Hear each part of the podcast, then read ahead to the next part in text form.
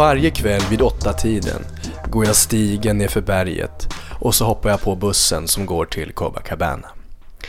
Det här är en låt av Cornelis Vreeswijk som heter Deidre Samba och det är en svensk översättning av en äldre brasiliansk sång. Idag i Radio Resonabelt med Strand och Berglund så ska vi prata om Brasilien. Vi bjuder här i vårt sjunde avsnitt in Brasilienkännaren Hanna Andersson. Och vad ska den här eh, intervjun handla om, eh, Henrik Berglund? Som jag vet så kommer det handla om eh, dels eh, Hanna Anderssons upplevelser i Brasilien och varför Brasilien betyder så mycket för henne och vad det är som gör att hon vill läsa portugisiska, läser portugisiska, skriver uppsats om det bland annat och sånt där och hur det politiska och eh, socioekonomiska läget ser ut i just Brasilien idag. Vi avslutar med en dryckesprovning och då har vi en special eh, grej här idag för att det är nämligen någonting som heter caipirinha. Och vad det är, det får ni höra på slutet. Nu intervju med Hanna Andersson.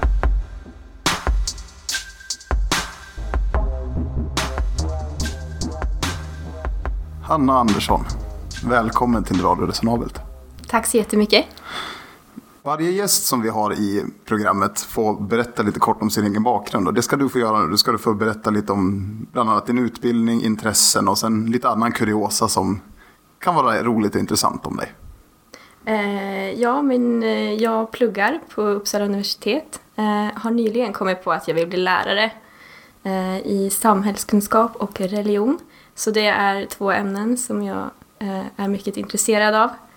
Utöver det så tycker jag det är allmänt roligt att läsa böcker och är också väldigt sportintresserad. Vad är det för någonting inom litteratur som du läser helst då? Eftersom att det är väldigt mycket kurslitteratur nu för tiden så kan det vara roligt att bara bryta av med någon deckare eller bara någonting som är ganska lättläst. Är det både moderna deckare och lite äldre kanske klassiker? Det är nog främst med moderna böcker. Vi har bjudit in dig här till vårt program för just för dina erfarenheter av Brasilien. Vad var det ursprungligen som fick dig att åka dit för första gången? Första gången jag åkte dit, det var nog 2008. Så det är tio år sedan. Eh, och då åkte jag dit med min familj. Eh, och redan då som 13-14-åring så... Ja men det var något speciellt med Brasilien. Det var... Eh, ja men dels värmen bara, och, men också människorna, kulturen, musiken som, eh, ja, men som verkligen fick mig att eh, ja, men bli förälskad i landet. Uh, och sen dess har jag nog varit där en, ja det är väl snart uppemot tio gånger det också. Och var även utbytesstudent där mellan 2012 och 2013. Eh, så det var en väldigt eh, upplevelserikt år att få vara med om. Fick lära mig väldigt mycket roligt och intressant om landet då. Vad är det just inom det portugisiska språket? Är det något speciellt du känner är tilltalande? Är det språkmelodin eller är det orden eller vad är det för någonting som Absolut, språkmelodin är eh, väldigt eh, trevlig att lyssna på. Det är ett ganska svårt språk, tycker jag, eh, att lära sig, rent grammatiskt.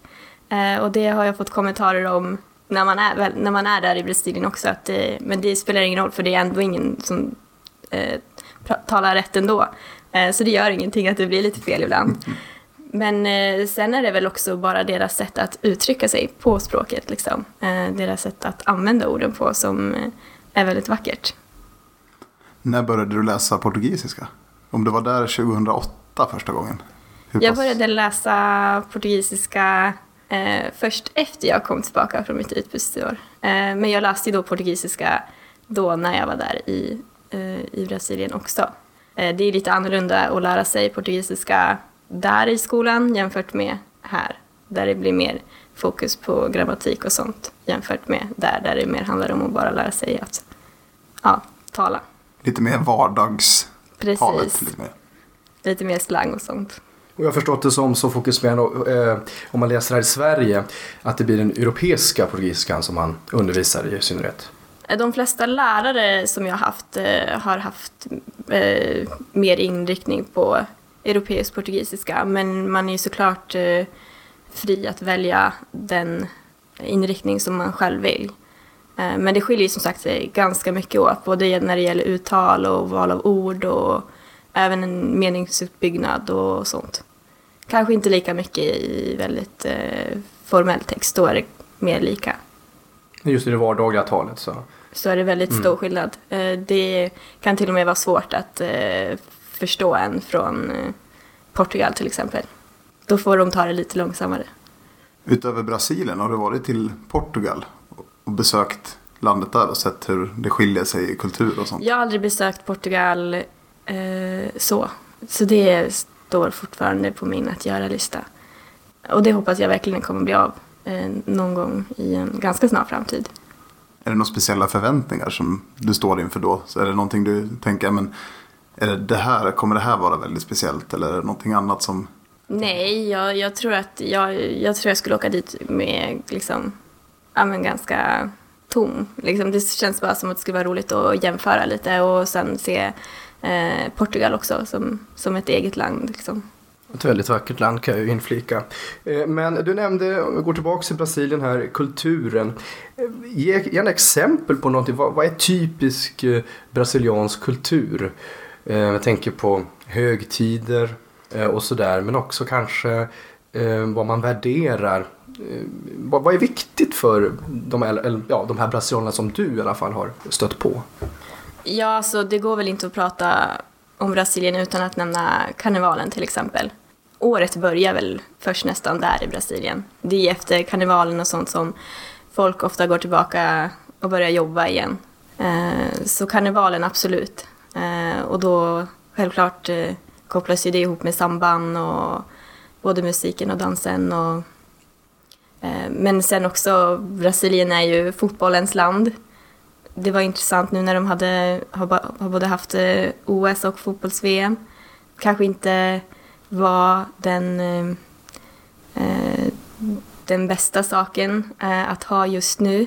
Eller det var, när de väl tackade ja till att ha det så, så var Brasilien i en väldigt, de var inne i en väldigt positiv ekonomisk eh, eh läge just då. Medan eh, sen när ja, men 2014 och 2016 kom så har det ekonomiska läget förändrats eh, och inställningen till både OS och eh, VM förändrats. Eh, Och nu efteråt så, de är väl stolta att ha haft det på ett sätt men också ganska, att det förde med sig mycket dåligt rent ekonomiskt. Att det kostade mer än vad det smakade. Precis. Ja, och då är vi mer intresserade av den politiska situationen som det ser ut i landet eh, just nu. Ehm, hur, ser det ut med ekonomin eh, i landet och politiken ehm, kring korruption och demokrati? Ekonomin är ju inte speciellt bra just nu. Det är ganska hög inflation och så. Eh, och det är många som har svårt att få jobb. Rent politiskt så är det också väldigt turbulent. Det har varit många korruptions Eh, skandaler på senaste år.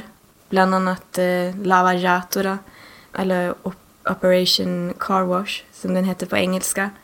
Där mer eller mindre, ja, det är nästan jätte, det är nästan alla politiker är mer eller mindre inblandade på något vis eller eh, i alla fall under utredning och sånt.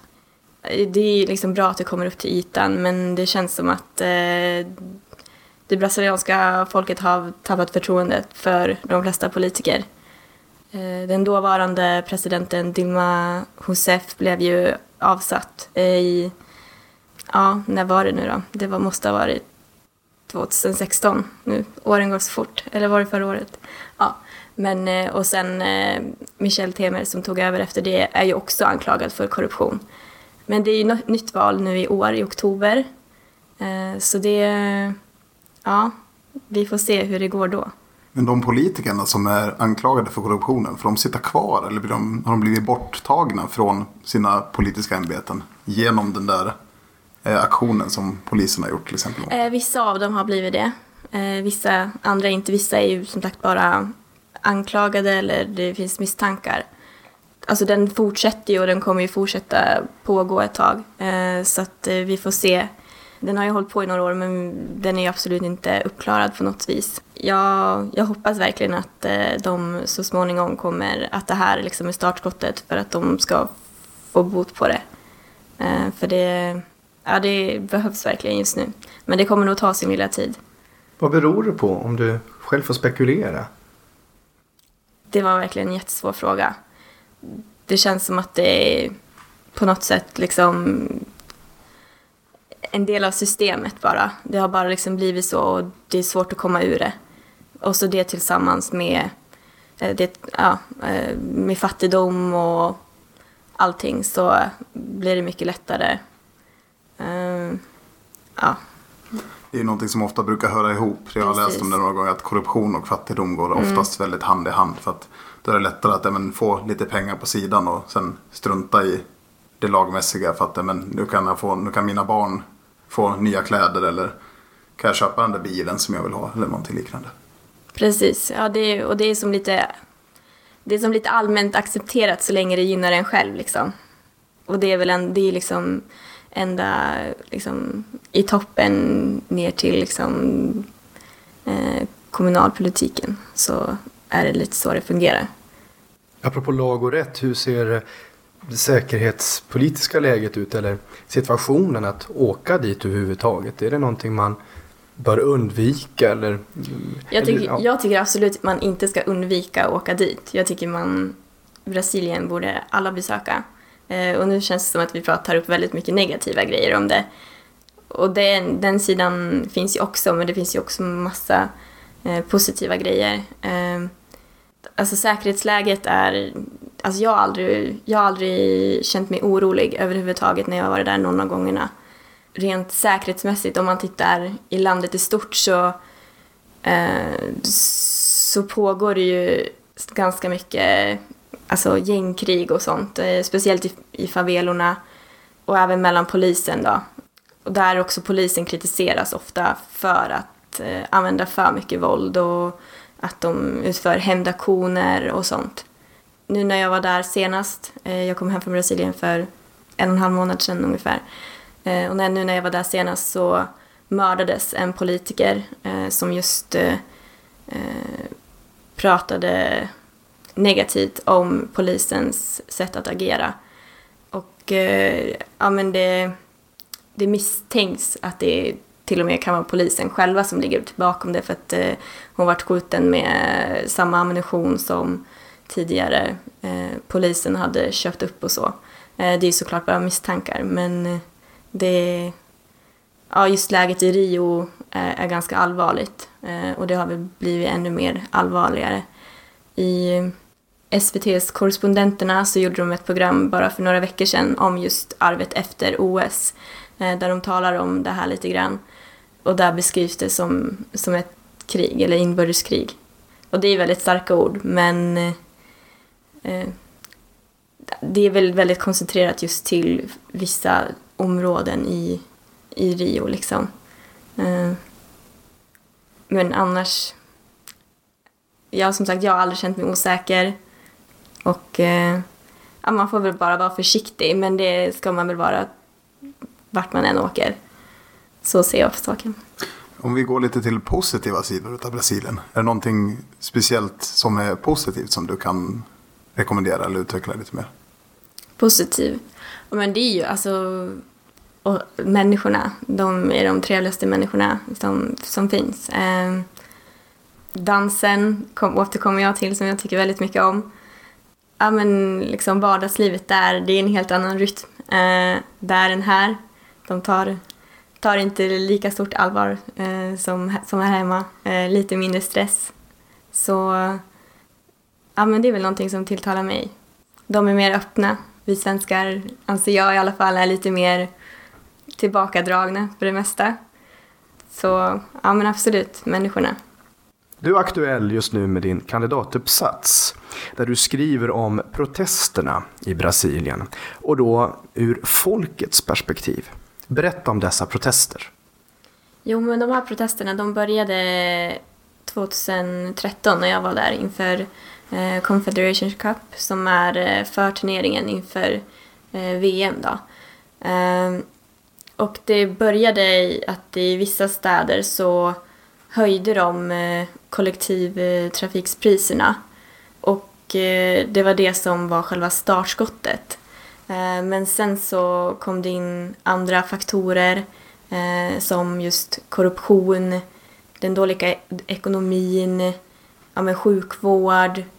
Eh, det var någonting om att de skulle ha in eh, doktorer från Kuba istället för att utbilda sina egna. Massa sådana saker eh, som gjorde att eh, det sen spred sig över hela landet eh, och det anordnades manifestationer i alla de större städerna och även de mindre. Och eh, just då när det började, då kändes det som att det var, ja, men det var en framåtanda. Att ja, men det här kanske löser sig. Det här, det här är nog bra. Men eh, med tiden så vart ju bara korruptionsskandalerna djupare. Det sittande, eh, liksom, eh, den sittande presidenten och, och hennes parti drog, drogs in även.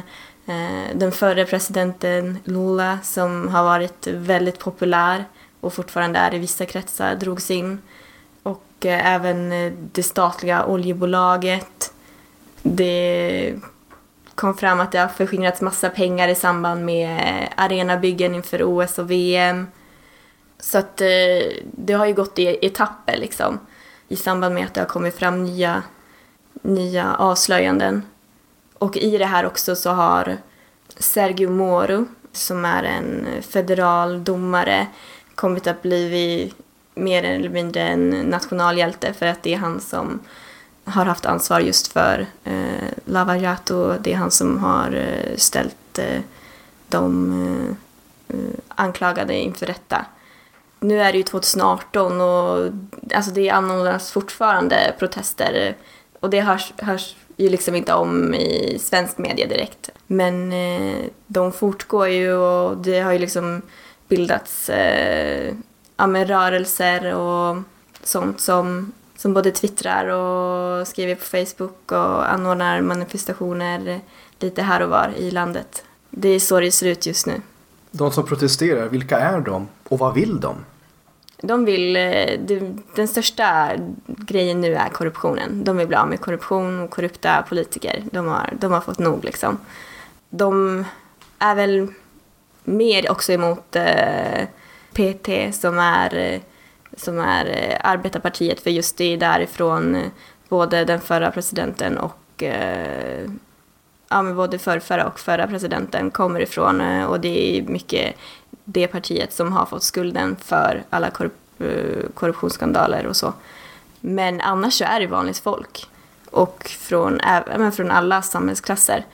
Och i, i början, eh, då var det verkligen, det var verkligen alla. Förutom kanske de då som är inblandade i det då, så, såklart. Eh, men det var verkligen alla samhällsklasser, alla pratade om det. Eh, ja. Jag tänker, kyrkan är ju viktig i Brasilien och i synnerhet den romersk-katolska kyrkan. Har den eh, uttalat sig eller engagerat sig någonting i den politiska utvecklingen, i det vi har pratat om? Inte som jag har koll på. Nej, jag tror att på det sättet så håller sig nog den romerska katolska kyrkan och även de andra kyrkorna utanför politiken. Liksom. Vilken plats har religionen, när vi ändå är inne på det ämnet, vilken plats har religion i, eller livsåskådningar och liknande i Brasilien? Hur pass stort är det? Oerhört stort. Eh, det är en väldigt central roll eh, i de flestas liv. Så det är väldigt stor skillnad gentemot Sverige. Det spelar liksom ingen roll om du är romersk katolik eller om du är någon form av eh, protestant eller eh, pingstvän eller så, eh, så spelar det väldigt stor roll och de flesta går i kyrkan och så. Eh, sen är det ju väldigt vanligt med eh, spiritism och eh, även candomblé och sådana eh, former av religion. Finns det några motsättningar mellan olika grupperna? Eller lever de i en ganska bra symbios? Alltså det beror väl på vad man jämför med om du frågar en eh, romersk katolik och en protestant där nere så skulle de säga att de har olika religioner och inte att de tillhör eh, olika grenar av samma träd. Så ja, samma träd. Eh, men eh, visst, alltså de, det är ju inte några större motsättningar så, även fast de då tror olika. Men det är ingen, alltså man, säger, man lägger ingen större vikt vid ekumenik kanske som man gör Nej, Sverige? nej, det skulle jag inte säga att de gör. Ekumenik är då, för er lyssnare som inte är inlästa i teologi, det är eh, man samarbetar mellan olika eh, inriktningar inom en och samma religiös tradition egentligen med olika mål. Men egentligen om man tänker den kristna ekumeniken har ju egentligen som mål att, att en gång uppnå eh, fullständig och synlig enhet och inte vara olika eh, kyrkor. Mycket intressanta saker har vi fått lära oss här om Brasilien och eh, jag och Bergen har aldrig varit där. Jag har tänkt att åka till Latinamerika eventuellt nästa år. Nu är det kanske inte Brasilien i första hand men förhoppningsvis så får man leva länge och vara frisk. Eh, och då tänker jag att även ni lyssnare ja, ska- hur ska man gå tillväga när man ska åka dit? Och vad finns det för måsten? Var börjar man någonstans om man vill åka till Brasilien som första gångs väljare höll jag på att säga, men för första gången? Jag tycker man kan börja nästan lite var, var, var som helst i landet. Om man pratar måsten så måste man åka till Rio ändå. Alltså det är ju en oerhört vacker stad. Och jag tycker att man ändå ska liksom kunna säga då att man har varit vid Kristusstatyn. Det, så det är verkligen ett måste. Eh, men det är mest eh, för att, ja, men för att ha sett den och så. Sen så måste man ju såklart besöka Copacabana och Ipanema då också. Som är ja, men två av de mest kända stränderna i Rio. Men om vi pratar stränder, då, då, om man vill ha en bra strand, då ska man åka till eh, eh norra Brasilien. För där är stränderna fantastiska. Och sen när det gäller andra måsten så måste man gå ut och sätta sig på en bar och lyssna på brasiliansk musik. Det är, annars tror jag inte finns så himla mycket måsten. Eh, det beror nog väldigt mycket på hur, vad man är som person och gillar. Det finns ju oerhört mycket vacker natur att se på. Till exempel Amazonas och även andra fina naturområden. Så ja, jag tycker man kan åka en lite varstans. Det finns inte så mycket måsten utan det är, det är i så fall Rio. Men man, man kan hitta allting för alla oavsett vad man är för person i alla fall. Så det varierar lite så man kan ju antingen om man är en sån som gillar mer natur då kan man åka ut och se landsbygden och sånt där. Eller gillar man större städer, shopping, barer, stränder Absolut. då kan man åka till storstäderna istället.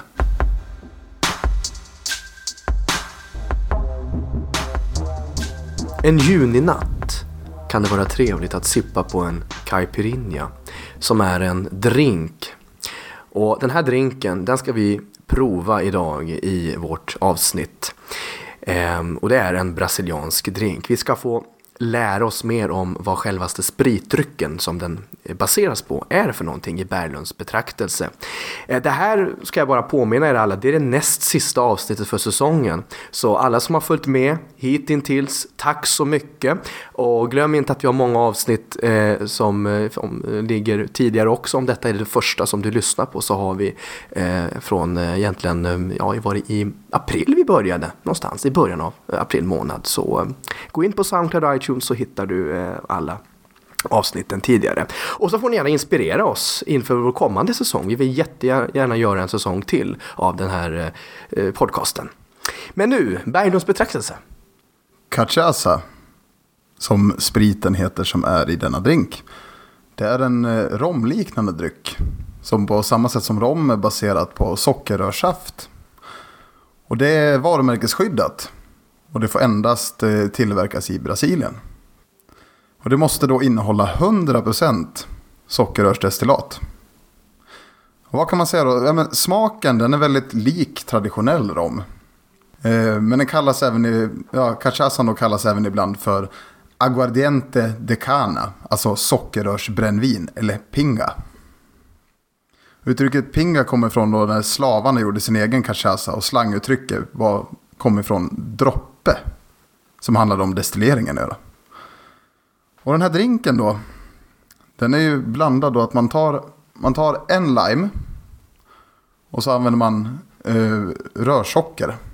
Alltså strösocker då som är utav sockerrör som är lite den, den brunaktiga strösockret som finns. Det, det brunaktiga. Och så mosar man. Ja, muddrar. Ja, man muddrar eller mosar, Typ. mosar limen med sockret så att det blir liksom en sockerlag utav det. Och sen varvar man det med krossad is i ett glas. Och häller då på cachaçan ovanpå. Och då har vi förberett inför den här inspelningen nu. Den här Som man brukar göra i sådana här program. Förberett. Då ska vi avsmaka den här. Ska vi se då, då börjar vi då. Skål. Skål. Oj, oj, oj, oj, oj. Och här i min så var det fortfarande lite socker som inte hade lösts upp som lägger sig som små karamellbitar i munnen på mig nästan. Men det är en särskild eh, krydda eller ört som spökar. Jag känner ju direkt, alltså det jag kände först det var ju limen som kom. Sen kom ju sötman och sen kom spriten i eftersmak. Och det kände jag direkt så bara wow, jag som gillar rom. Som jag nämnde i föregående avsnitt när vi provade vin med eh, Michel Grönlund. Ja. Då nämnde jag det att men jag gillar ju när det är fatlagrat lite sånt där. Att det, det är mycket smak i det. Och jag gillar ju whisky och rom. Och det här är ju så romliknande det bara går. Det är ju en romdryck egentligen. typ fast av rom, ja. Typ av rom. Fantastiskt gott. Och så är det viktigt att blanda runt i det också. Och nu har vi ju sugrör vi dricker här. Mm. Och det är en ekologisk cachaça alltså till och med som vi dricker så väldigt exklusivt och fint. Summa summarum, ett jättespännande avsnitt idag med Radio Resonabelt. Jag känner att jag har lärt mig mycket om Brasilien och också eh, det här med den politiska situationen, att vi får lite mer klarhet i det här. Och vi ser fram emot säsongsavslutningen som kommer nästa vecka. Då är ni varmt välkomna. Nu ska vi sitta och fortsätta njuta av den här drinken. Skål!